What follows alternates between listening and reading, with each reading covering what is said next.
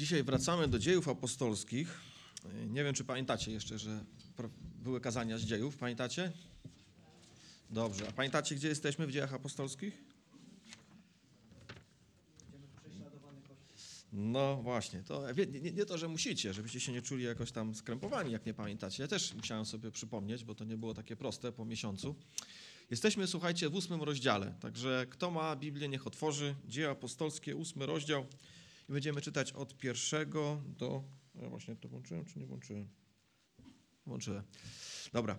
E, będziemy czytać e, ósmy rozdział od pierwszego do dwudziestego piątego wersetu. Dzieje apostolskie, ósmy rozdział, od pierwszego do dwudziestego piątego wersetu. A Saul również zgadzał się z tym zabójstwem. W owym czasie rozpoczęło się wielkie prześladowanie zboru w Jerozolimie i wszyscy z wyjątkiem apostołów rozproszyli się po okręgach wiejskich Judei i Samarii. Szczepana zaś pogrzebali bogobojni mężowie i opłakiwali go wielce. A Saul tępił zbór, wchodził do domów, wywlekał mężczyzn i niewiasty i wtrącał do więzienia. Wszakże ci, którzy się rozproszyli, szli z miejsca na miejsce i zwiastowali dobrą nowinę. A Filip dotarł do miasta Samarii i głosił im Chrystusa. Ludzie zaś przyjmowali uważnie i zgodnie to, co Filip mówił, gdy to słyszeli i widzieli cuda, które czynił. Albowiem duchy nieczyste wychodziły z wielkim krzykiem z wielu, którzy je mieli. Wielu też sparaliżowanych i ułomnych zostało uzdrowionych. I było wiele radości w owym mieście. A był w mieście od jakiegoś czasu pewien mąż imieniem Szymon, który zajmował się czarnoksięstwem i wprawiał lud z Samarii w zachwyt, podając się za kogoś wielkiego. A wszyscy, mali i wielcy, liczyli się z nim, mówiąc: Ten człowiek to moc Boża, która się nazywa wielka. Liczyli się zaś z nim dlatego, że od dłuższego czasu wprawiał ich w zachwyt magicznymi sztukami. Kiedy jednak uwierzyli Filipowi, który zwiastował dobrą nowinę o Królestwie Bożym i o imieniu Jezusa Chrystusa, dawali się ochrzcić, zarówno mężczyźni, jak i niewiasty. Nawet i sam Szymon uwierzył. Gdy zaś został ochrzczony, trzymał się Filipa, a widząc znaki i cuda wielkie, jakie się działy, był pełen zachwytu. A gdy apostołowie w Jerozolimie usłyszeli, że Samaria przyjęła Słowo Boże, wysłali do nich Piotra i Jana, którzy przybywszy tam modlili się za nimi, aby otrzymali Ducha Świętego. Na nikogo bowiem z nich nie był jeszcze stąpił, bo byli tylko ochrzczeni w imię Pana Jezusa. Wtedy wkładali na nich ręce, a oni otrzymywali Ducha Świętego. A gdy Szymon spostrzegł, że duch bywa udzielany przez wkładanie rąk apostołów, przyniósł im pieniądze i im powiedział: Dajcie im nie tę moc, aby ten, na kogo ręce włożę, otrzymał Ducha Świętego. A Piotr rzekł do niego: Niech zginą wraz z tobą pieniądze twoje, żeś mniemał, iż za pieniądze można nabyć dar Boży. To się tyczy tej sprawy, ty nie masz w niej cząstki ani udziału, gdyż serce twoje nie jest szczere wobec Boga. Przeto odwróć się od tej nieprawości swojej i proś Pana, czy nie mógłby ci być odpuszczony zamysł serca twego. Widzę bowiem, żeś pogrążony w gorzkiej żółci i w więzach nieprawości. Szymon zaś odpowiedział i rzekł, módlcie się za mną do Pana, wy, aby nic z tego na mnie nie przyszło, co powiedzieliście. A oni, gdy złożyli świadectwo i opowiedzieli słowo pańskie, udali się w powrotną drogę do Jerozolimy, zwiastując dobrą nowinę po wielu wioskach samarytańskich. Jak Bóg zmienia nowe miejsca, jak Bóg wkracza w nowe przestrzenie, jak to się dzieje, że nowe obszary, w których Ewangelia nie jest znana, nawracają się. Nie mówię teraz o jednostkach, bo tu nie mamy mowy o jednostce jakiejś, która przychodzi na nabożeństwo, bo to jest w miarę proste, przychodzi do nabożeństwa i się nawraca. Tak? Ale jak to się dzieje, że Ewangelia wychodzi poza tą przestrzeń, która już można powiedzieć w cudzysłowie jest zdobyta, która już jest oswojona z Bożym działaniem. Ludzie wiedzą, czego się można spodziewać. Idzie to wszystko gdzieś dalej, do nowych obszarów, do nowych miejsc. Jak te nowe miejsca, te nowe kultury, można powiedzieć, bo tu mamy nową kulturę, nowy naród, nową religię, chociaż podobną, ale trochę inną. Jak to się dzieje, że Ewangelia wkracza i przemienia? I na co możemy liczyć w takiej sytuacji? Jak to będzie działało? Co będzie działało, a co nie będzie działało? Co możemy być pewni, że jest najważniejsze i musi zadziałać, ale gdzie się pojawią pewne napięcia, gdzie się pojawią jakieś zgrzyty, bo się pojawiają zgrzyty. Tak jak zobaczycie w tym fragmencie, który właśnie mówi o Samarytanach. Yy, Tutaj właśnie mamy po raz pierwszy Ewangelię, która wychodzi poza Jerozolimę. Zwróćcie uwagę. Do tego dziewiątego rozdziału, czy do tego ósmego rozdziału, cały czas Ewangelia jest w Jerozolimie. Tam się dużo dzieje, różnych rzeczy, ale cały czas to jest to jedno miasto, gdzie stąpił Duch Święty i w zasadzie poza nim nie ma nic. Czy gdzieś tam ludzie wychodzą, ale generalnie my nie wiemy, co się z nimi dzieje. A tu się pierwszy raz dowiadujemy, co się dzieje w momencie, kiedy Ewangelia wychodzi po- poza Jerozolimę. I myślę, że jest to taka lekcja dla nas i chciałbym tą lekcję w takich trzech punktach streścić. Wiem, że to jest dużo, trzy punkty, ale tak to niestety mi wyszło. Nie potrafiłem jakoś tego mocniej jeszcze skondensować. Więc pierwsza rzecz, nie bójmy się, Bóg, Bóg okazuje moc. Bóg się nie boi takich miejsc. To jest pierwsza rzecz. Nie bójmy się nowych miejsc. Bóg ma moc, okazuje moc. Druga rzecz, Bóg troszczy się o jedność Kościoła. I myślę, że zobaczycie to.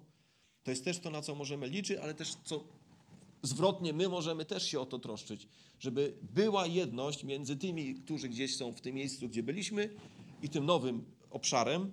I w końcu Bóg dba o czystość. Czystość słowa, ale również czystość naszej wiary. Czystość tej naszej przemiany i czystość przemiany tych ludzi, którzy są w tym nowym miejscu. Czyli jedność, czystość i moc Boża. Te trzy rzeczy się tutaj pojawiają. Myślę sobie, kiedy patrzę nawet dzisiaj, słuchajcie, na te nowe wydarzenia. Może to nie jest nowa przestrzeń, ale to jest nowa sytuacja, w której się znajdujemy. Myślę, że również możemy te trzy myśli zastosować. Bóg ma moc nad tym, co się dzieje. Niby wiemy, że ma moc, ale myślę, że zachęci, zachęci nas ten fragment, że to do nas przemówi, że On ma moc. Dalej się troszczy o czystość i dalej się troszczy o jedność swojego Kościoła. Właśnie w takich nowych sytuacjach. Także liczmy na Bożą moc, dbając o czystość i dbając o jedność.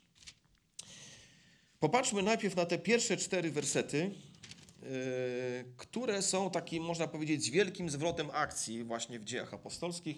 To, co powiedziałem, do tego czasu generalnie sytuacja w dziejach apostolskich jest cały czas, dzieją się czasami trudne sytuacje, bo apostołowie muszą stanąć przed Sanhedrynem, bo, no, bo różne rzeczy się dzieją, dwa razy muszą nawet stanąć. Yy, mamy Ananiasza i Safirę, którzy przeskrowali ale generalnie wszystko dosyć szybko jakby wraca do, do porządku. I tutaj mamy y, w siódmym rozdziale mowę Szczepana. I tak trochę nauczeni doświadczeniem tych sześciu rozdziałów moglibyśmy oczekiwać, że Bóg po prostu znowu szybko naprawi sytuację i znowu wszystko będzie dobrze. Ale okazuje się, słuchajcie, że dokładnie dzieje się coś nowego. Że Bóg nie naprawia szybko sytuacji w Jerozolimie. Dokładnie dzieje się na odwrót po tym pierwszym męczeństwie, po tym pierwszym chrześcijaninie, który umarł za swoją wiarę. y, Nic się nie naprawia. Nic się nie naprawia. Pierwszy rozdział, pierwszy werset ósmego rozdziału nam mówi, że rozpoczęło się wielkie prześladowanie zboru w Jerozolimie. Jakoś nic nie wskazuje jakąś tutaj, że jakieś światełko w tunelu się pojawia. Na razie żadnego światełka w tunelu nie ma. Na razie to co oni muszą robić? Muszą uciekać z Jerozolimy. I wszyscy poza apostołami rozproszyli się po okręgach wiejskich Judei i Samarii. Wyobraźcie sobie, że jesteście w takim zborze, który doświadczał tyle takich wspaniałych Bożych cudów, tylu Bożych urat- uratowań, tylu Bożych jakichś takich wspaniałych ingerencji. Nagle okazuje się, że no myśmy myśleli, że Jerozolima nasza, a tu się okazuje, że Jerozolima wcale nie nasza. I musimy uciekać. Apostołowie tam siedzą, ale też prawdopodobnie nie mają zbyt prosto. Też czasami niektórzy się zastanawiają, czemu apostołowie zostali w Jerozolimie. Prawdopodobnie uważali, że ciągle to jest to Boże miejsce, w którym należy zostać. Tam ciągle te ważne rzeczy się mają rozstrzygać, więc oni tam ciągle siedzą, ale generalnie zbór, który jest prześladowany, on się rozpierzcha po Judei i po Samarii. Yy, I yy, to jest nowe doświadczenie w życiu Kościoła. Yy, I można by zadać pytanie, myślę sobie, że oni na pewno zadawali sobie to pytanie, czy Bóg w tym jest? No jak to możliwe? Jest obietnica, bramy piekielnego nie przemogą, czy nie ma? Jest? Pamiętamy?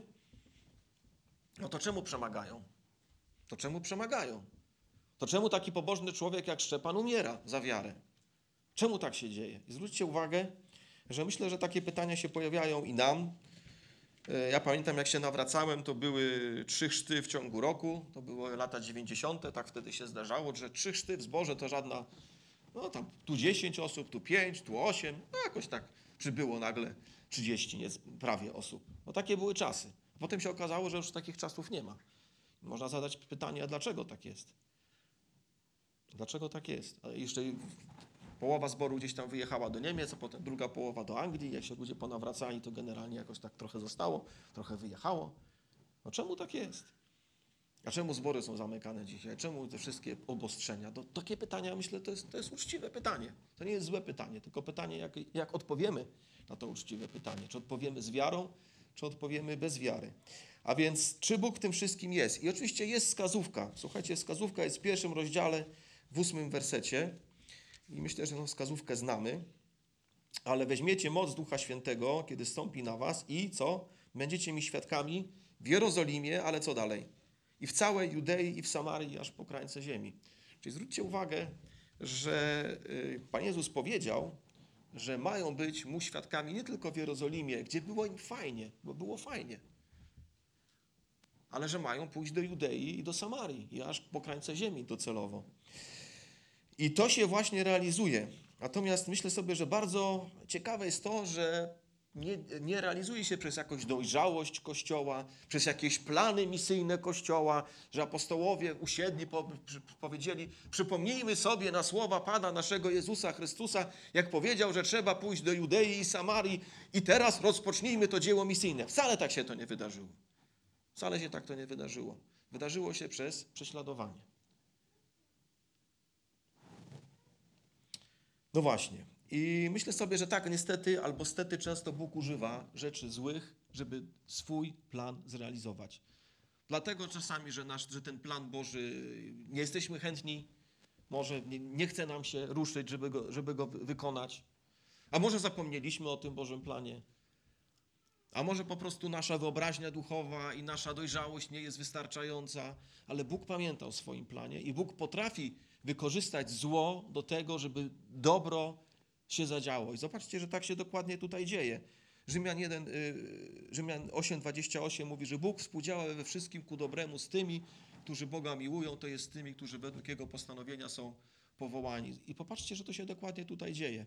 Dobre było to, że Boży plan był taki, żeby nie tylko w Jerozolimie, ale Judei i Samarii.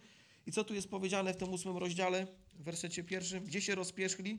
Po okręgach wiejskich Judei i Samarii. Dokładnie to Bóg zadziałał. Yy, I myślę sobie właśnie, że taka moja myśl, już, już z tego fragmentu, gdy dzieje się coś yy, niespodziewanego, nie traćmy nadziei. Gdy dzieje się coś niespodziewanego, nie traćmy nadziei. Bóg ma plan i Bóg będzie w tym obecny. Może nam się to wydawać trudne, bo to jest pewnie trudne, bo fajniej było siedzieć w Jerozolimie, ale to nie oznacza, że Boga w tym nie ma. Ale to nie oznacza, że Bóg nie działa. Wręcz przeciwnie, najprawdopodobniej właśnie działa bardziej.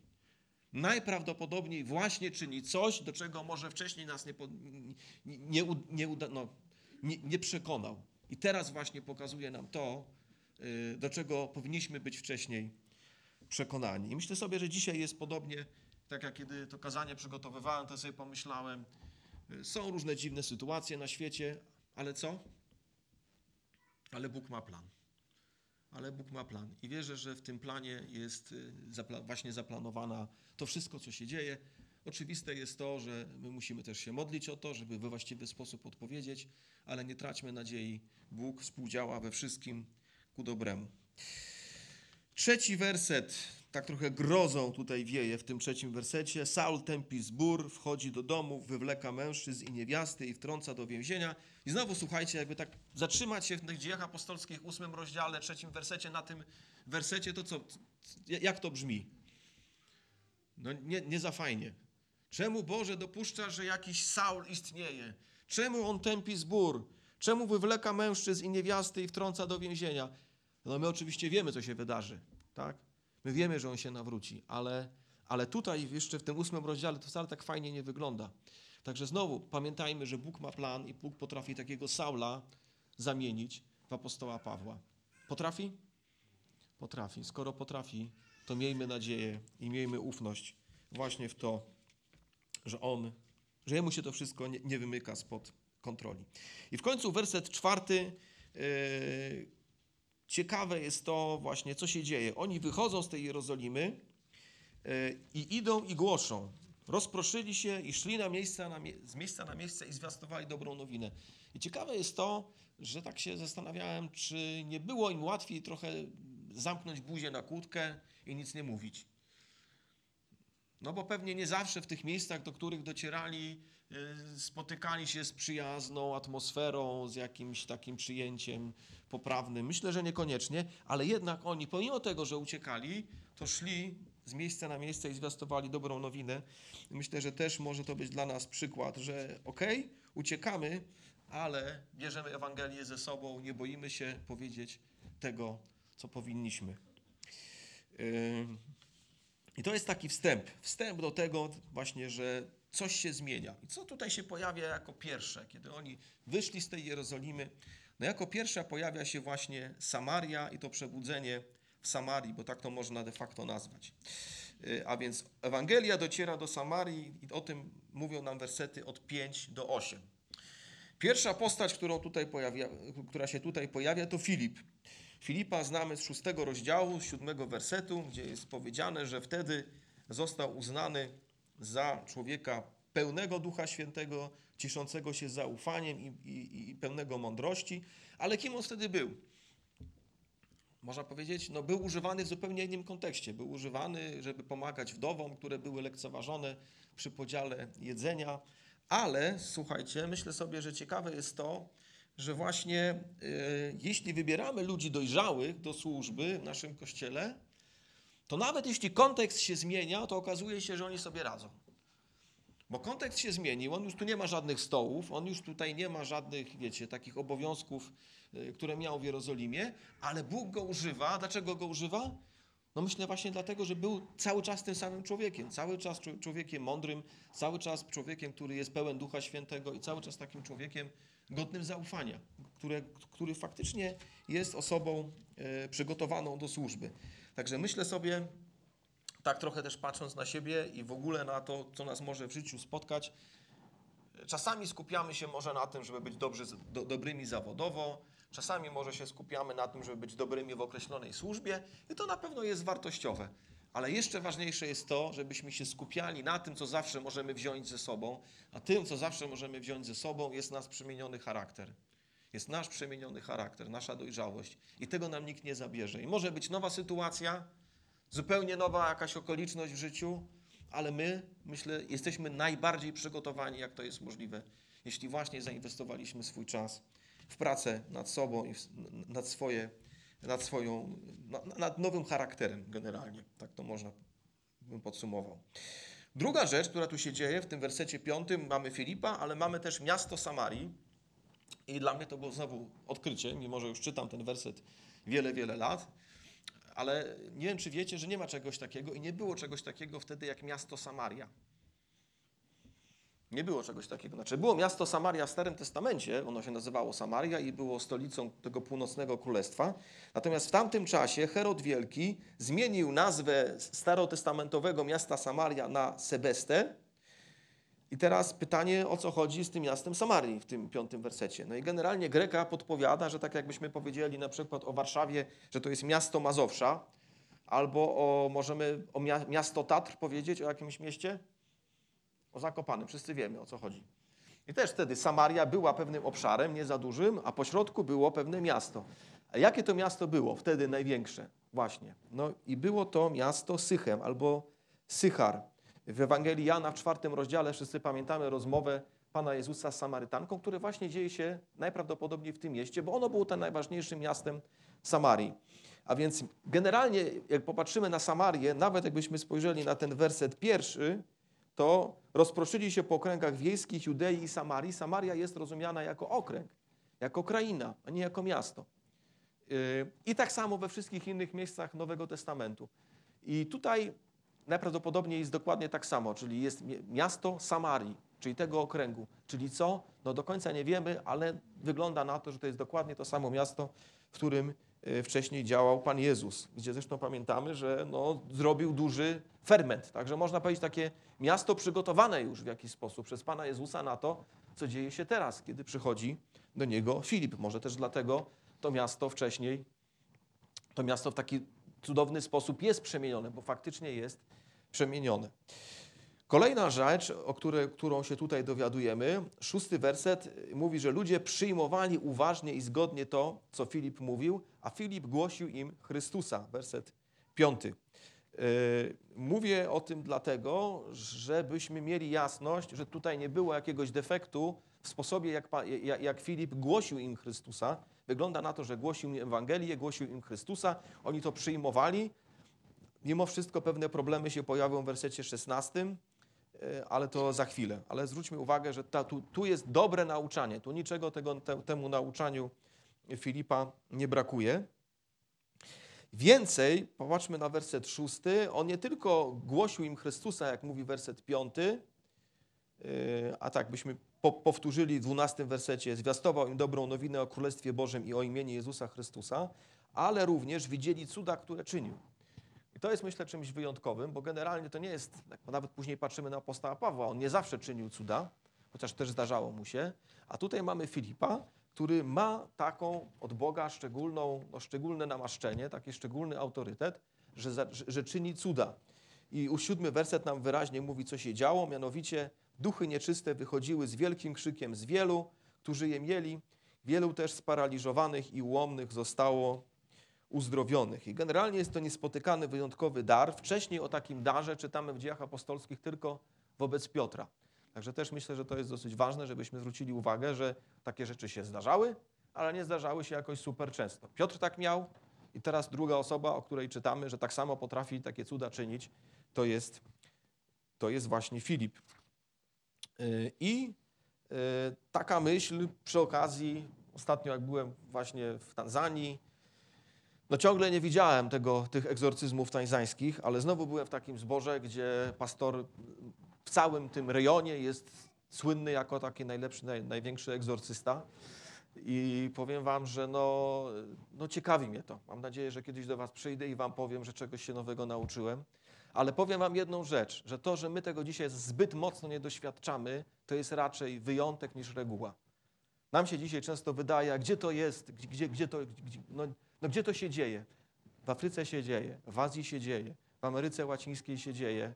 Nie wiem, czemu wśród nas się nie dzieje, to możemy kiedyś może na grupie biblijnej się pozastanawiać, ale chciałbym powiedzieć wam tylko jedną rzecz, że to się dzieje. Żebyśmy nie mieli jakiegoś takiego poczucia, że o, to kiedyś było, a teraz no, dzieje się.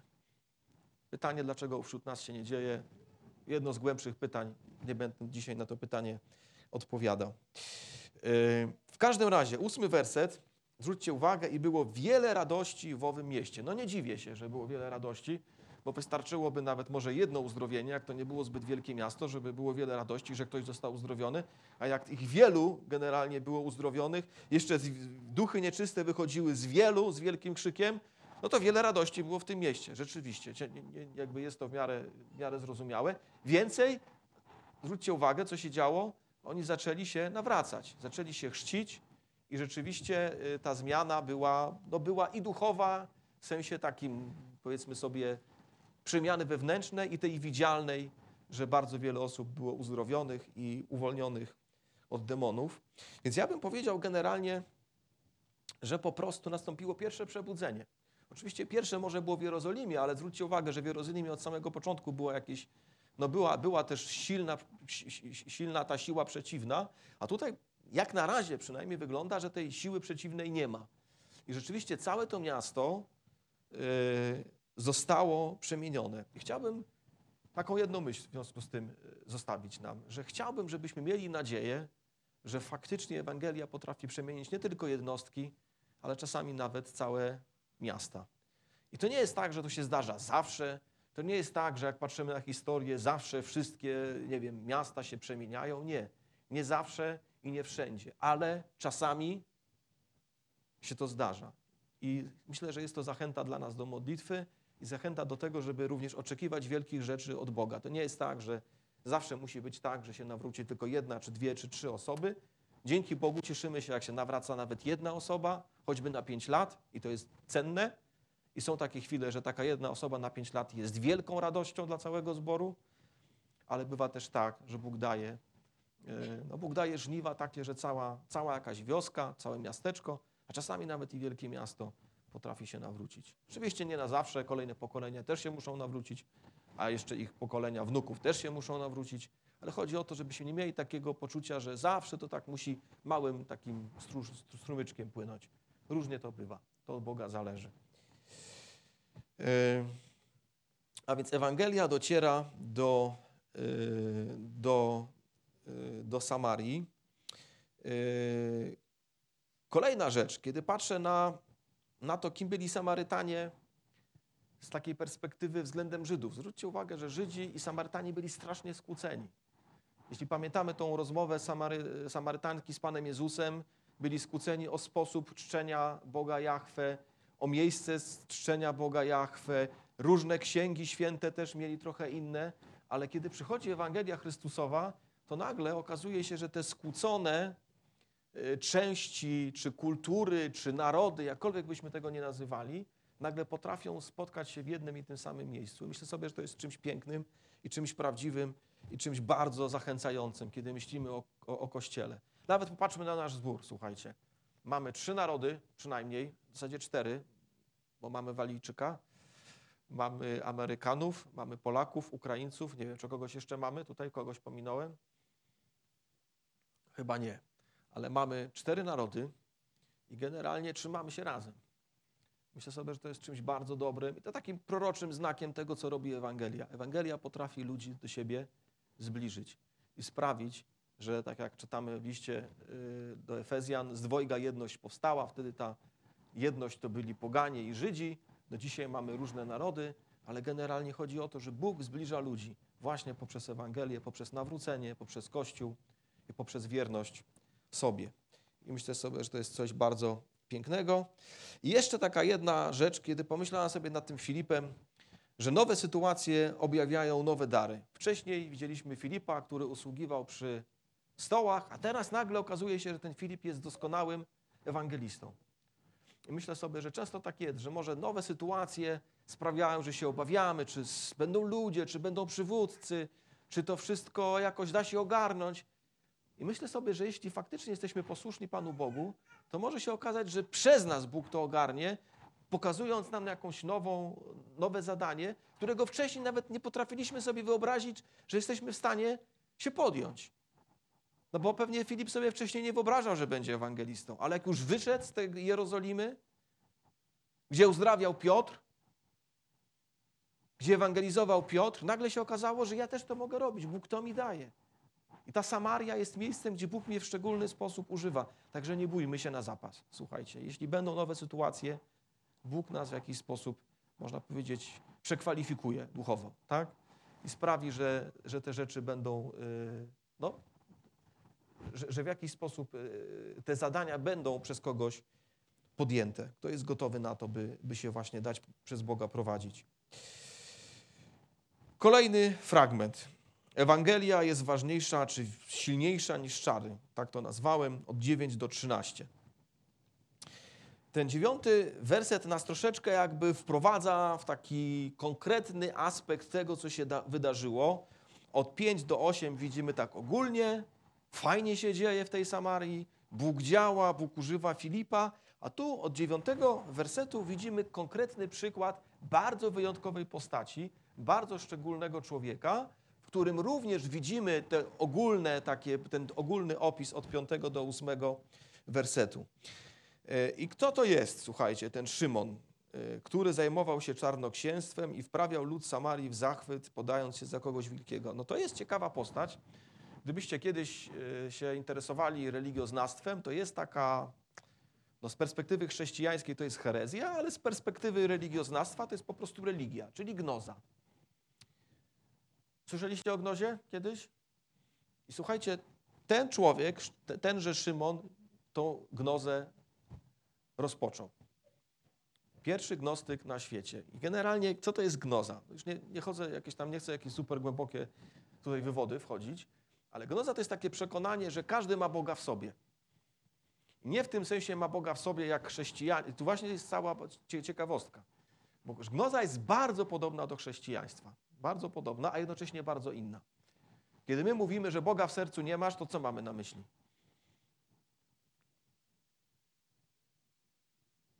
Że jesteś nienawrócony, albo że nie działasz po chrześcijańsku, albo coś ciebie za człowiek, coś takiego mamy na myśli. Czyli jak powiedzmy chrześcijanin mówi, że Boga w sercu ktoś nie ma, to mówi po prostu o tym, że jakby tego Bożego działania w tej osobie nie widać. Tak? Zgodzicie się? Tak najogólniej. Ale teraz w perspektywie gnostyckiej to jest tak, że każdy z nas ma w sobie iskierkę Bożą i trzeba tą iskierkę rozdmuchać, a jak ktoś już jest bardzo dobry, to tak bardzo rozdmucha, że teraz nie, że Boże działanie zewnętrzne względem Niego się rozdmucha w Jego sercu, tylko że On jest tym Bogiem. Tylko bardzo malutko. Ale jak rozdmucha, to jest tym Bogiem większym. A jak hiper rozdmucha, to jest jeszcze większym. Czyli zwróćcie uwagę, wygląda podobnie, ale jest zupełnie czymś innym. I tu zwróćcie uwagę, jak jest powiedziane o nim w dziesiątym wersecie. Ten człowiek to moc Boża. On siebie za takiego kogoś postrzegał. Spójrzcie na mnie, naśladujcie mnie. Ja, to i, ja, ja jestem ubóstwiony jakby znacznie bardziej niż wy. Patrzcie, jakie cuda czynię. Patrzcie, jak mogę pstryknąć. No, tak teraz sobie wymyślam, bo nie wiem, jak on tam ich zadziwiał, jakimi sztuczkami, ale zadziwiał ich. I oni mówią, no tak. No i ewidentnie ten człowiek jest y, takim Bogiem na ziemi. I właśnie myślę sobie, że ten gnostycyzm dlatego jest tak powiązany z chrześcijaństwem, bo my też mówimy o Bogu na ziemi. Tylko my mówimy o Bogu na ziemi w tym sensie, że jest jedna, jedyna postać, jednorodzony Bóg na łonie Ojca, który zszedł na ziemię, ale my nie stajemy się bogami w takim sensie, jak Jezus jest Bogiem. I to jest, myślę, bardzo, bardzo ważne. Tylko my możemy dołączyć do Chrystusa i dzięki Chrystusowi, przez Jego Ducha, będąc cały czas ludźmi, przemieniamy się na obraz Jego, tak? I upodabniamy się do Boga. Ale cały czas stajemy się, znaczy cały czas stajemy się lepszymi ludźmi, a nie stajemy się boscy. I to jest, myślę, bardzo, bardzo ważne. Podczas gdy właśnie w, gnostycy, w, w, w gnozie to jest tak, że my stajemy się coraz bardziej bogami. Z etapu na etap, z levelu na level, coraz bardziej idziemy w bóstwie, żeby sami stać się bogami. Więc ciekawa postać. Tyle może o Szymonie. Natomiast gdzie go tutaj spotykamy? Czytamy, że praktykował magię i miał wielki wpływ. Co to znaczy praktykować magię? Znowu, co to jest magia? Yy, najogólniej rzecz biorąc, magia to jest zdolność kontrolowania nadprzyrodzonych mocy po to, by doczesność była lepsza. Na czym polega zaklęcie? Na tym, że kontrolujemy jakąś ponadnaturalną moc pozadoczesną, żeby na przykład coś nam tutaj się naprawiło. Tak? Żeby coś nam się tutaj zmieniło. Czyli kiedy on praktykował magię, to po prostu pokaz, jakby no, dla nich był kimś. Ma chody tam w tym nadprzyrodzonym świecie i może sprawić, że na przykład niepłodna yy, ma dzieci i tak dalej, i tak dalej. No to, to jest ktoś. To jest, to jest rzeczywiście wyjątkowy, wyjątkowy człowiek. I myślę sobie, że też znowu dzisiaj mamy takie może wrażenie, że magii nie ma, a myślę, że magia jest. Cały czas, zresztą ludzie chodzą do wróżek, ludzie tam sobie gdzieś tam, nie wiem, stawiają tarota i tak dalej, i tak dalej. Dlaczego? No bo ludzie jednak, pomimo tego, że często oficjalnie mówią, że są ateistami, mówią oficjalnie, że są agnostykami, to intuicyjnie czują, że jest ta rzeczywistość taka no, duchowa jakaś, już nie wchodząc w szczegóły, no i próbują tą rzeczywistość duchową jakoś dla siebie wykorzystać.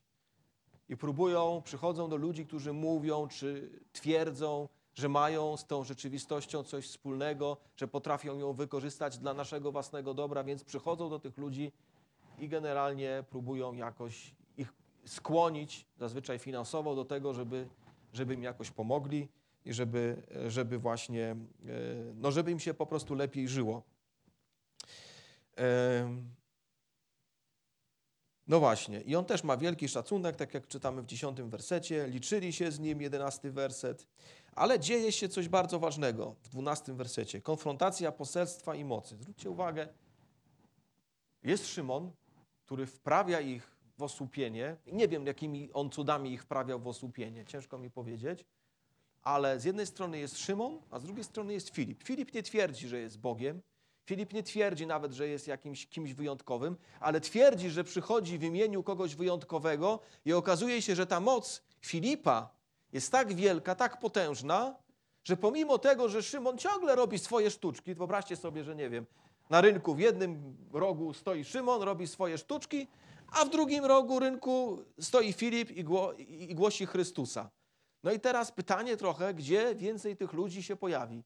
Czy więcej stanie po stronie Filipa, czy więcej po stronie, po stronie Szymona? I prawdopodobnie więcej było na początku po stronie Szymona, bo już był dla nich znany, ale w pewnym momencie ci ludzie zaczynają się nawracać.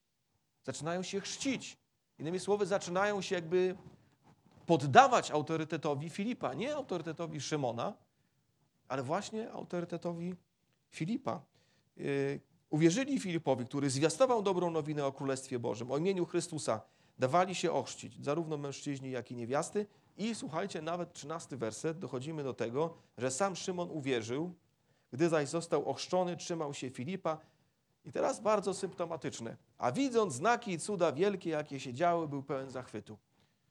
Tutaj niestety pojawia się taka trochę moja wątpliwość, na ile on się prawdziwie nawrócił. Oczywiście w serce mu nie wejdę, ale bardzo symptomatyczne jest, jak on jest opisany.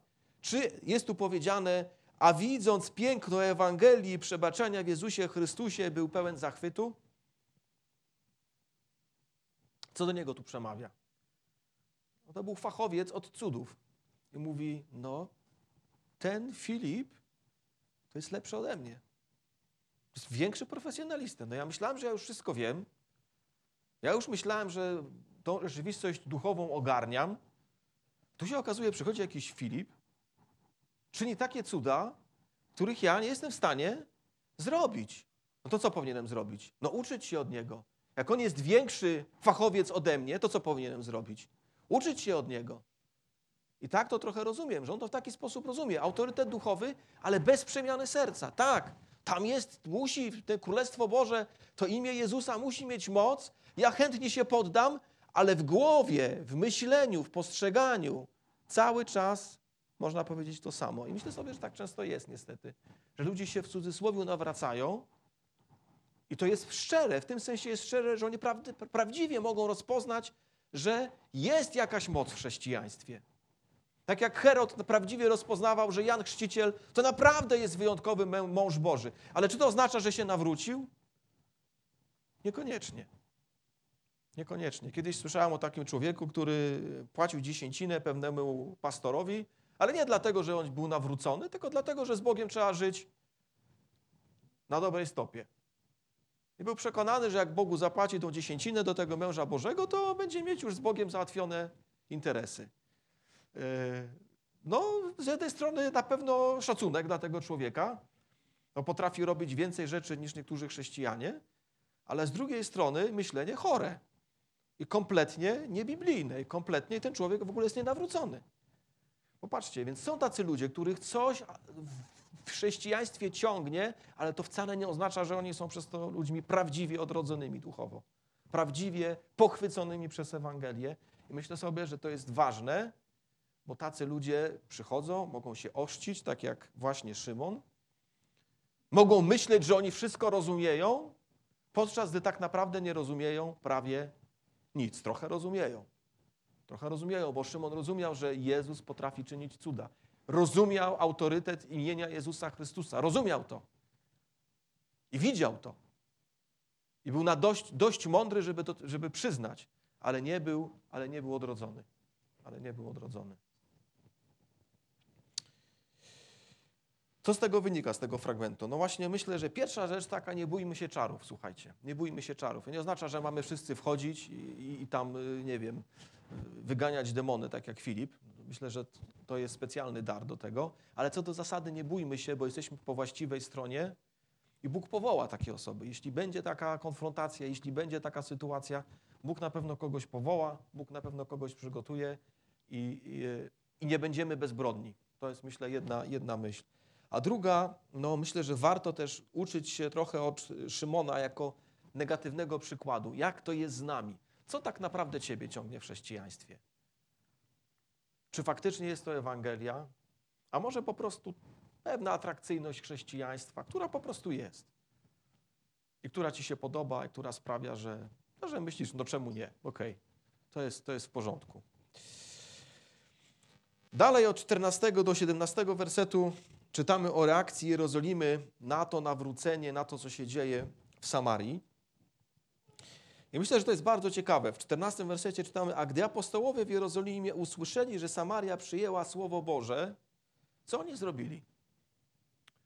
Co oni zrobili? Wyobraźcie sobie teraz, siedzą w tej Jerozolimie, nowa, zupełnie nowa sytuacja, ludzie się rozpierzchnęli po, po, po Judei, czyli po swoich, to nie problem, ale ludzie rozpierzchnęli się po Samarii również. I dowiadują się teraz, że w Samarii, wśród tych odstępców najgorszych, bo tak na to patrzyli, wśród tych odstępców najgorszych ludzie się nawrócili do chrześcijaństwa, na chrześcijaństwo. I dla nich myślę, że to już była poważna sprawa. No jak to jest możliwe, że oni się nawrócili? No jak? Sama, Samarytanie? Przecież najpierw chyba po, pobożnymi Żydami się powinni stać, a dopiero potem chrześcijanami. A tutaj kompletnie ominięty jest ten etap, który im się wydawał konieczny i po prostu lądują w chrześcijaństwie, bez tych wszystkich sporów chrześcija- y, y, y, żydowsko-samarytańskich. No i w tym momencie wysyłają do nich Piotra Jana. Myślę sobie, że z jednej strony mogła być jakaś radość w ich sercu, ale i troska, czy faktycznie to są bracia w Chrystusie. Czy faktycznie oni się nawrócili?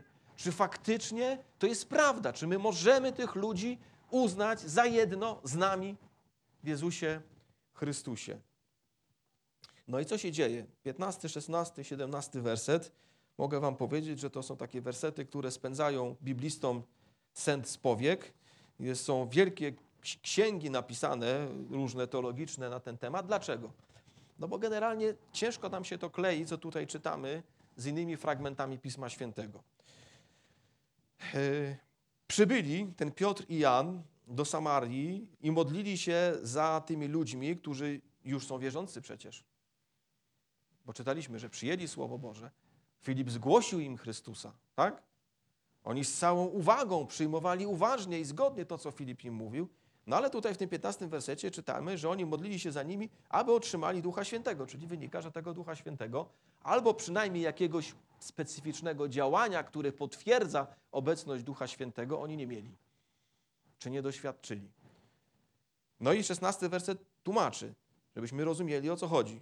Aby otrzymali Ducha Świętego, na nikogo bowiem z nich nie był jeszcze zstąpił, bo byli tylko chrzczeni w imię Pana Jezusa. No i teraz problem jest z tym taki, że generalnie jak patrzymy na inne fragmenty w, w dziejach apostolskich, to jak ktoś jest ochrzczony w imię Pana Jezusa, to zawsze wystarcza.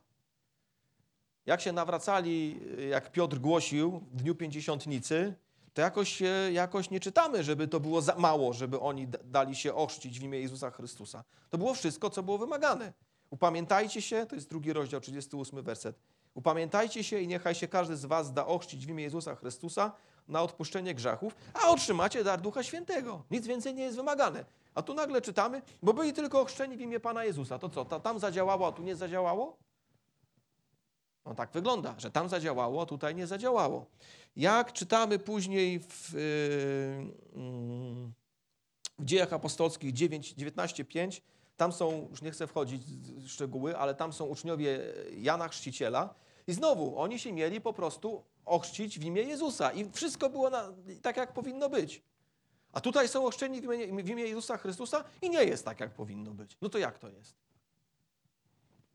No i nie jest to proste, muszę wam powiedzieć, chociaż mam pomysł na to. Także mam nadzieję, że wam, no, mnie, mnie to przekonuje, co, wam, co mnie przekonuje, co, co, zaraz wam powiem. Dalej, nakładanie rąk nie jest wcale konieczne, żeby otrzymać Ducha Świętego. 17 werset. Wtedy wkładali na nich ręce, a oni otrzymywali Ducha Świętego. Jak patrzy, patrzymy na dzieje apostolskie, drugi rozdział, czwarty werset, yy, tam nie ma żadnych nakładania rąk. Yy, I tak samo tutaj, w dziejach apostolskich, tym, tych, w tych tysiącach, tam jest po prostu powiedziane 41 werset, że przyjęli słowo, zostali oszczeni i pozyskanych zostało owego dnia około 3000 dusz. Tam nic nie czytamy o jakimś nakładaniu rąk, żeby oni otrzymali Ducha Świętego. No więc można by zapytać, to dlaczego w tym przypadku konieczne jest jeszcze dodatkowe nakładanie rąk i dodatkowa modlitwa, mimo że byli nawróceni i mimo że byli ochrzczeni tak, jak powinni być ochrzczeni. I normalnie to zawsze działało. Czemu tak jest? No właśnie. E, A więc, a jeszcze jedna rzecz taka ciekawa, to też tak dla braci sióstr bardziej charyzmatycznych, przecież tutaj było dość tych cudowności. Wygananie demonów było, uzdrawianie było, no można powiedzieć, wszystko się działo. Wszystko się działo, a jednak się nie zadziało. No to, no to jak to jest w takim razie? Ja powiem wam tak, mnie osobiście najbardziej przekonuje taka interpretacja, która wydaje mi się taka najbardziej, no okej, moim zdaniem najrozsądniejsza. Mianowicie, że generalnie Duch Święty wstępuje, aby potwierdzić jedność Kościoła. Duch Święty wstępuje, aby potwierdzić jedność Kościoła. Oni musieli tam przyjść, ci właśnie reprezentanci Jerozolimy, Piotr i Jan, i oni w jakiś sensie te dwie rzeczywistości duchowe. Oczywiście Filip był bardzo fajnym człowiekiem, ale nie miał takiego autorytetu jak Piotr i Jan. Po prostu nie miał. Kiedy Piotr i Jan modlili się nad nimi i jakby byli pewni, że oni doświadczyli dokładnie tego samego, że Duch Święty stąpił tak, jak wtedy na nich stąpił. Na Żydów, bo to byli sami Żydzi wtedy w drugim rozdziale dziejów apostolskich. I teraz mamy tą nową grupę Samarytan. Nie wiadomo, czy to Żydzi, czy nie Żydzi. Trudno to wszystko określić, ale kiedy Duch Święty wstępuje dokładnie w taki sam sposób, to oni już nie mają wątpliwości, że oni też należą do ciała Jezusa Chrystusa. Myślę sobie, że to jest najważniejszy argument. Nie jakieś tam kombinacje, czy oni się. Wra... Myślę, że większość tych Samarytan się dobrze nawróciła. Szymon pewnie nie, ale większość byli autentycznie nawróceni, ale jakby, żeby te, te, te, te, dwa, te dwie grupy były połączone i wiedziały, że są jedno, żeby nie było żadnych wątpliwości. Tak samo jak później będzie z Korneliuszem. Że Duch Święty musiał stąpić na Korneliusza, żeby wszyscy widzieli, że poganie też należą do ciała Jezusa Chrystusa, że też Duch Święty jest im udzielony. I teraz też ważne jest to, żeby to zrozumieć, że dalej się to nie powtarzało. To zawsze przychodziło wtedy, jakby Duch Święty w taki widzialny sposób, z jakimiś proroctwami, z jakimiś językami. On przychodził nie za każdym razem, bo później nie czytamy w dziejach apostolskich, że za każdym razem tak się dzia- działo, ale właśnie wtedy, kiedy określona grupa, określona grupa ludzi, która była nową grupą, po, z, z pewną podejrzliwością spoglądano na tą grupę. Tak? Żydzi patrzyli z podejrzliwością na Samarytan. Przecież to odstępcy. To odstępcy. Jak Samarytanie się mogą nawrócić? No mogą. I jest widzialne potwierdzenie na to. A jak poganie się mogą nawrócić? Jak poganie? Przecież to nieczyści ludzie są. No ale Duch Święty stąpił. Aha. No to, no to jak Duch Święty stąpił, to co, to kto będzie z Duchem Świętym dyskutował? Popatrzcie, to stępowanie takie widzialne Ducha Świętego, ono miało coś potwierdzić. Miało potwierdzić jedność Kościoła. Miało w widzialny sposób zamanifestować pewną niewidzialną rzeczywistość, która normalnie byłaby trudna, byłaby podważana. Ale skoro tak się wydarzyło, to koniec. To koniec. To tak jest. I nie będziemy już dyskutować nad tym. I Piotr i Jan wrócili do Jerozolimy i co powiedzieli? Bracia, no mamy, mamy nowy zbór. Ale jak? Wśród nich? No wśród nich. No ale jak?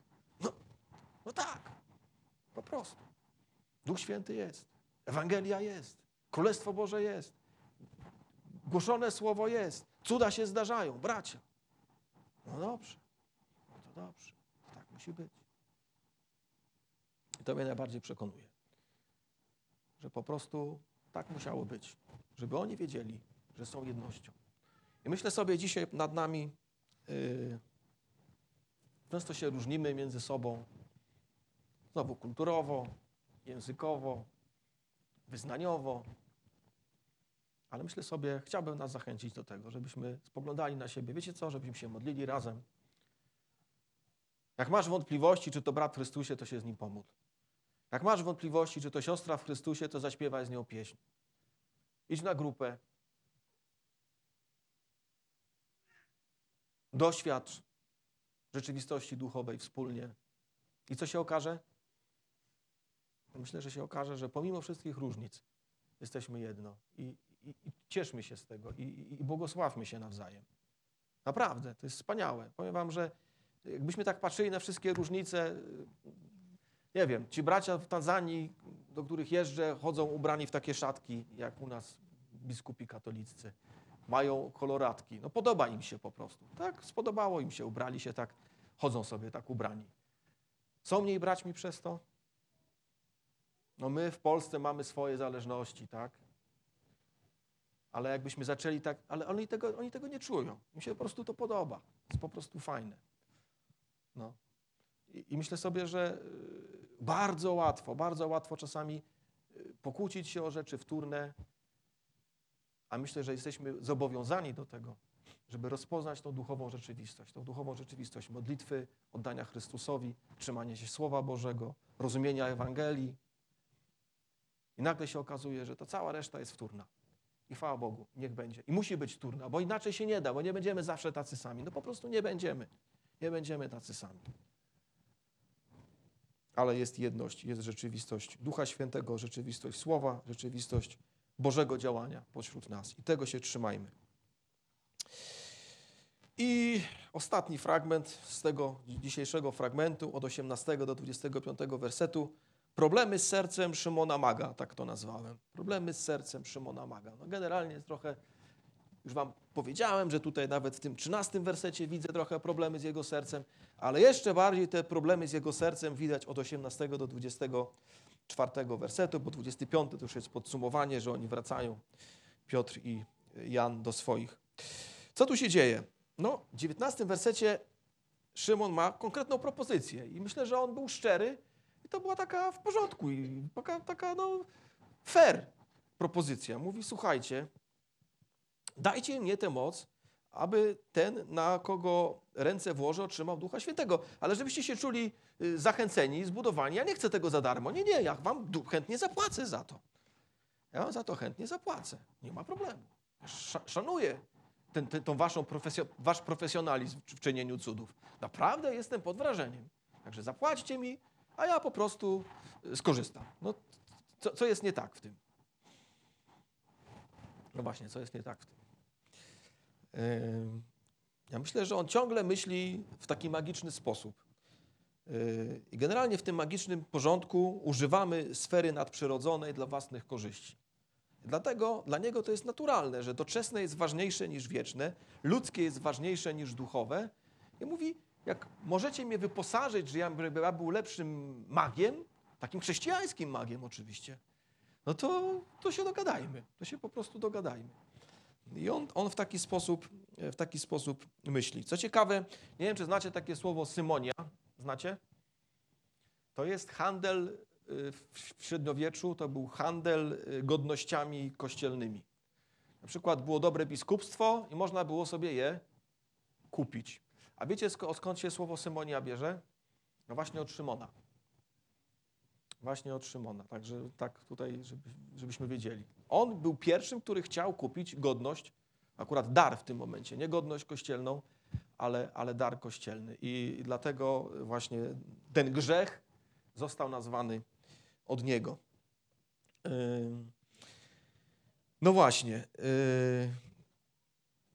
I jak tu Piotr reaguje od 20 do 23 yy, wersetu? No po pierwsze, tutaj różnie niektórzy, nie, nie, ró- różnie, ró- różni bibliści to tłumaczą. Niektórzy to tak jak tutaj, niech zginą wraz z tobą pieniądze twoje, ale słyszałem, że nawet ktoś przetłumaczył, do diabła z tobą i twoimi pieniędzmi. Albo na zatracenie z tobą i twoimi pieniędzmi, bo literalnie tam jest zatracenie. To jest nie takie po prostu takie zginięcie, takie neutralne, ale takie zginięcie wieczne. Na zatracenie z tobą i z tymi twoimi pieniędzmi. Także bardzo ostro tutaj Piotr y, odpowiedział.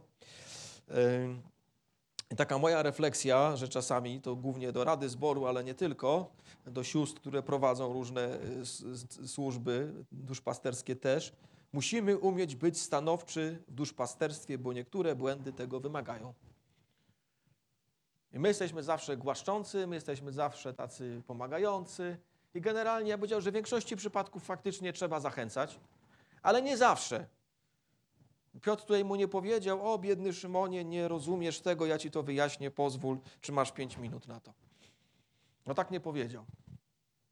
Tak nie powiedział. Myślę sobie, że czasami są takie chwile, że trzeba po prostu komuś pokazać, że to jest poważna rzecz, bo inaczej nie zrozumie. Bo inaczej nie zrozumie. Także e, tak, tak, tak właśnie działa, działa Piotr. E, Ale jeszcze jedna taka właśnie refleksja. Słuchajcie, czy to nie jest tak, bo niby wydaje nam się, że to jest takie oczywiste dla nas, że nie można sobie kupić błogosławieństwa, nie można sobie kupić daru Bożego, ale czy jak na przykład złożymy jakąś super wielką ofiarę dodatkową, to nie czujemy, że Bóg nas powinien trochę lepiej traktować? Jak to jest z nami? Zastanówmy się trochę nad tym. Czy czasem nie jesteśmy trochę bliższy, bliżsi Szymonowi niż nam się wydaje? I oczywiście wiemy, że wszystko jest z łaski. No, Jesteśmy mądrzejsi od Niego. Tutaj to myślę, że jesteśmy mądrzejsi. Ale czy czas- czasami nie czujemy się tak, że teraz to, Panie Boże, powinieneś szczególną uwagę na mnie zwrócić? Bo naprawdę się napracowałem. Bo naprawdę się napracowałem. I oczywiście, wiecie, jak się napracowaliśmy, to ja wierzę, że Pan Bóg zwraca uwagę na to. To nie jest tak, że jest to obojętne. Myślę, że się cieszy, tak jak my się cieszymy, jak nasze dzieci się napracują. Ale czy pamiętamy, że cały czas podstawą naszej relacji wobec Boga jest łaska i że nic nie możemy, nie wiem, zaszantażować Pana, Pana Boga tym, że teraz popatrz, o ja tutaj tak się napracowałem. To Ty musisz mi dać. No to takie pytanie przy okazji Szymona. Co dalej się dzieje? Co dalej odpowiada Piotr Szymonowi? Generalnie pomimo powagi sytuacji Piotr tłumaczy Szymonowi jego błąd. I to też myślę jest pocieszające. Najpierw tak się na niego wydarł w tym 20 wersecie, ale potem mu jednak wszystko, mimo wszystko tłumaczy od 21 do 23 wersetu. Tłumaczy mu wprost i nie przebiera w słowach, ale mu tłumaczy. Myślę sobie, że to też jest bardzo ważna zasada, żeby wytłumaczyć takiej osobie, która źle myśli, błądzi, dlaczego źle myśli i dlaczego błądzi. No i co on mu tu mówi? Mówi mu najpierw, że nie otrzymasz tej mocy, bo twoje serce jest nieprzemienione. 21 werset. Co się tyczy tej sprawy, to nie masz w niej cząstki ani udziału, gdyż twoje serce nie jest szczere wobec Boga. No nie możesz. Nie jest tak, że po prostu Bóg ci to daje za kasę. No tak nie jest. Jak chcesz naprawdę się zaangażować w tą służbę, to się zaangażuj. To musisz swoje serce najpierw we właściwy sposób ustawić wobec Boga. Musisz być oddany, poddany Bogu. I wtedy Bóg zacznie robić pewne rzeczy z Twoim życiem. Staniesz się Jego sługą, stanie i będziesz Mu tak służyć, jak Bogu się to podoba. Ale wtedy w ogóle możemy o czymś rozmawiać. To w ogóle dla Ciebie nie ma tematu serca, tylko jest temat po prostu tego, że załatw mi tą zdolność, bo mi się ta zdolność podoba. Więc on mówi, nie tędy droga. Potem wzywa go do nawrócenia, w wersecie 22. Odwróć się od tej nieprawości swojej i proś Pana, czy nie mógłby Ci być odpuszczony zamysł serca Twego. No i ciekawy jest ten 22 werset, bo tu jakby jest pokazane, Piotr mówi, ja nie wiem, czy się da w ogóle zawrócić z tej drogi, Piotrze, ale wiem, które, jaką drogą powinieneś iść. Droga jedyna, rozsądna jest taka, odwróć się od tej nieprawości, proś Pana, czy nie mógłby Ci być odpuszczony zamysł serca Twego. On nie jest pewien, czy może być odpuszczony. Można by zapytać dlaczego. No może dlatego, że on właśnie widzi, że on jest kompletnie gdzie indziej, że jego serce w ogóle nie jest przy Chrystusie. Że on w ogóle nie łapie, o co chodzi w chrześcijaństwie. Więc mówi, wiesz co, ja nie wiem, czy w ogóle da się odkręcić ciebie. Nie wiem, ale wiem, w którą stronę masz iść. Wołaj, proś, przepraszaj, może coś z tego będzie. I myślę sobie, że tak czasami może być z róż- różnymi ludźmi. Jak już widzimy, są tak zakręceni, że my już po prostu łapiemy się za głowę i sobie myślimy, no nie, no tego się chyba odkręcić nie da. Już, już, już po prostu, już, już, już nie, no, no co, co zrobić? No zawsze wiemy, co zrobić. Może, mo, może on już nie zawróci, ale kierunek zawsze jest taki sam. Przepraszaj, wołaj, proś Boga, On ci może pomóc. I myślę sobie, że czasami, jak już może nam brakuje mądrości, co komu podpowiedzieć, to po prostu bierzmy przykład z Piotra. I tyle. I dalej. Yy... On go wzywa do nawrócenia ciekawymi wersetami, tu już nie chcę wchodzić w, to, natomiast yy, wersety są w 23 wersecie widzę bowiem, żeś pogrążony w gorzkiej żółci i więzach nieprawości. Ta gorzka żółć pochodzi z 5 Mojżeszowej 29:18, gdzie jest powiedziane o tym, że Bóg mówi: Niech nie będzie pośród was korzenia, który by słysząc słowa tego przymierza, pochlebiał sobie w swoim sercu, mówiąc: Dobrze mi będzie, choćbym nawet trwał w zatwardziałości. To widzicie, jaką piosenkę sobie jakieś ułożyłem, dlatego znam na pamięć ten werset. Yy, Innymi słowy, ktoś, kto jest w Bożym ludzie, ale wydaje mu się, że pomimo tego, że będę trwał w zatwardziałości, to co? Będzie spoko. I Bóg mówi, niech takiego kogoś wśród was nie będzie, bo nie będzie spoko. Pan bowiem nie zechce mu przebaczyć i spadną na niego wszystkie przekleństwa, tak mówi Bóg. Innymi słowy, jesteś w kościele, super, ale mamy wieczerzę pańską, mamy wyznawanie grzechów, mamy pewne rzeczy, mamy trwać w społeczności z Bogiem, bo samo to, że ktoś przychodzi do kościoła jeszcze nie wystarcza. Tak? I tak samo on mówi temu, temu Szymonowi, fajnie, że się ochrzciłeś, ale wiesz co, patrzę na to, co ty mówisz i to, jest, to, jest, to oznacza, że ty masz, masz po prostu bałagan maksymalny, ty, jesteś, ty idziesz w złą stronę, idziesz na zatracenie. Ratuj się i nie pozwól sobie trwać w tym stanie. No bardzo twarde, ale bardzo potrzebne słowa i być może dla ciebie dzisiaj też. Bo może jest podobnie. I kolejna rzecz, y, więzy nieprawości. Te więzy nieprawości w księdze Izajasza się pojawiają, że Bóg wyzwala z więzów nieprawości, czyli takich więzów, które nie wolą ludzi i nie trzymają przy Bogu, ale trzymają przy grzechu, przy źle, przy przekleństwie. I on mówi: y, Jesteś pogrążony w tym lekceważeniu Bożej woli i więzach nieprawości. Dlaczego? No bo on tak naprawdę ciągle kombinuje, jakby być lepszym magiem. I cały czas to, co go najbardziej interesuje w chrześcijaństwie, to jak być lepszym magiem. To jest jego zainteresowanie. On nie jest zainteresowany Chrystusem, przebaczeniem, życiem dla Boga. Nie. Moc do niego przemawia. Moc, którą widzi.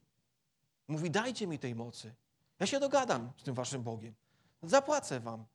Tylko dajcie mi tej mocy. Jak takiemu człowiekowi wyjaśnić, że nie chodzi o moc, ale chodzi o poddanie Bogu? No ciężko, naprawdę ciężko, bo on jest gdzieś indziej, w swoim myśleniu jest zupełnie gdzieś indziej. Gdzieś indziej. A więc Piotr sięga poza chęć mocy do jego charakteru. On mówi: ciągle jesteś w niewoli grzechu, ciągle chcesz rzeczy, od których duch uwalnia, a ty ciągle ich chcesz. Myślę sobie, że no co, co mógł, to zrobił ten Piotr. I 24 werset widzimy reakcję Szymona i to jest takie, no, znowu taka moim zdaniem dwuznaczne ukorzenie, bo on mówi tak, Szymon to powiedział i rzekł, módlcie się wy za mną do Pana, aby nic z tego na mnie nie przyszło, co powiedzieliście. No i z jednej strony on jest szczery, on mówi, ja nie chcę, żeby to przekleństwo na mnie spadło. No módlcie się za mną do Pana. Ale y, czym innym jest niechęć do tego, żeby Boże przekleństwo na mnie spadło, a czym innym jest przemiana mojego charakteru, żeby po- podążać za Chrystusem. To są dwie różne rzeczy. Ja znam dużo ludzi, którzy wierzy w piekło, ale to nie oznacza, że się, nie, że się od razu nawracają. Po prostu nie chcą pójść do piekła. I tyle, i się boją. To nie jest jednoznaczne z nawróceniem. A on tu po prostu mówi, no po prostu, no módlcie się za mną, no zróbcie coś. No wiesz, coś zrobimy, ale ty też coś musisz zrobić ze swoim życiem. I też musisz coś poddać to swoje myślenie, to swo, przy, poddać całe swoje wnętrze pod to, żeby, żeby być posłusznym Chrystusowi. Jak patrzymy później na historię, tego nie ma już tutaj dalej, w dziejach apostolskich, ale generalnie wygląda na to, że on się jednak nie przemienił. Wziął coś z chrześcijaństwa, bo tak jak powiedziałem, gnostycyzm jest bardzo silnie związany z chrześcijaństwem, ale jednocześnie nie przemienił tego swojego serca i powstało coś zupełnie nowego, jakaś synteza magii i chrześcijaństwa. Coś bardzo niebezpiecznego, bo bliskiego chrześcijaństwu, ale nie chrześcijaństwo, gdzie Chrystus nie jest prawdziwym Chrystusem, gdzie nie ma przebaczenia, gdzie nie ma posłuszeństwa, gdzie nie ma nawrócenia, nie ma odrodzenia, chociaż jest pewna, są pewne nawiązania do Chrystusa jako takiego wzorca. Tak, że Chrystus jest jakby pełen Boga, ja też mogę być pełen Boga. To tak jak mówiłem, to nie wystarcza. Także podsumowując, słuchajcie, w tej pierwszej części widzimy Boga, który ma moc. Ma moc? Zdobył Samarię? Nie bójmy się. Bóg ma moc. Wkroczyć w nową rzeczywistość. Może ty wchodzisz w nową rzeczywistość, może my wchodzimy jako Kościół w nową rzeczywistość. Powinniśmy się bać? Nie powinniśmy się bać, bo Bóg, jak wchodzimy w jakąś Samarię, ma moc i cokolwiek będzie potrzebne, żeby tą Samarię opanować, żeby wkroczyć w tą Samarię, Bóg da. Jestem tego, o tym przekonany. To jest pierwsza rzecz. Nie bójmy się. Bóg ma moc. Druga rzecz, yy, patrząc na, na to, że ten Piotr i Jan tam w Samarii przychodzą, chodzi o jedność. Bóg chce jedności. Bóg nie chce, żeby w związku z tym, że wchodzimy w tą nową rzeczywistość, żebyśmy zapomnieli naszych braci i siostry, którzy gdzieś tam zostali gdzieś indziej. Nie. Mamy być jednością. Mamy cieszyć się z tej jedności. To jest dobre, to jest błogosławione. Fajnie, że mamy różne zbory partnerskie. Trzymajmy się razem. To jest samo w sobie znakiem Bożej mocy i potęgi i chwały, że jesteśmy tak różnorodni, jesteśmy w jednym zborze. Je, chodzi Bogu o jedność. Ale po trzecie, chodzi również Bogu o czystość. Czystość naszego, naszej przemiany duchowej, czystość naszego odrodzenia, czystość naszego życia z Bogiem. I w tym też, myślę, fragmencie o tym widać. A więc podsumow- po- podsumowując, y, Bóg zmienia nowe miejsca, Bóg w nie wkracza, y, ale pamiętajmy o tych trzech rzeczach. Nie bójmy się, Bóg będzie okazywał moc, ale pamiętajmy o jedności i pamiętajmy o czystości naszego duchowego życia. Amen. Powstańmy i pomódlmy się. Jak ktoś chce się pomodlić, to też zachęcam.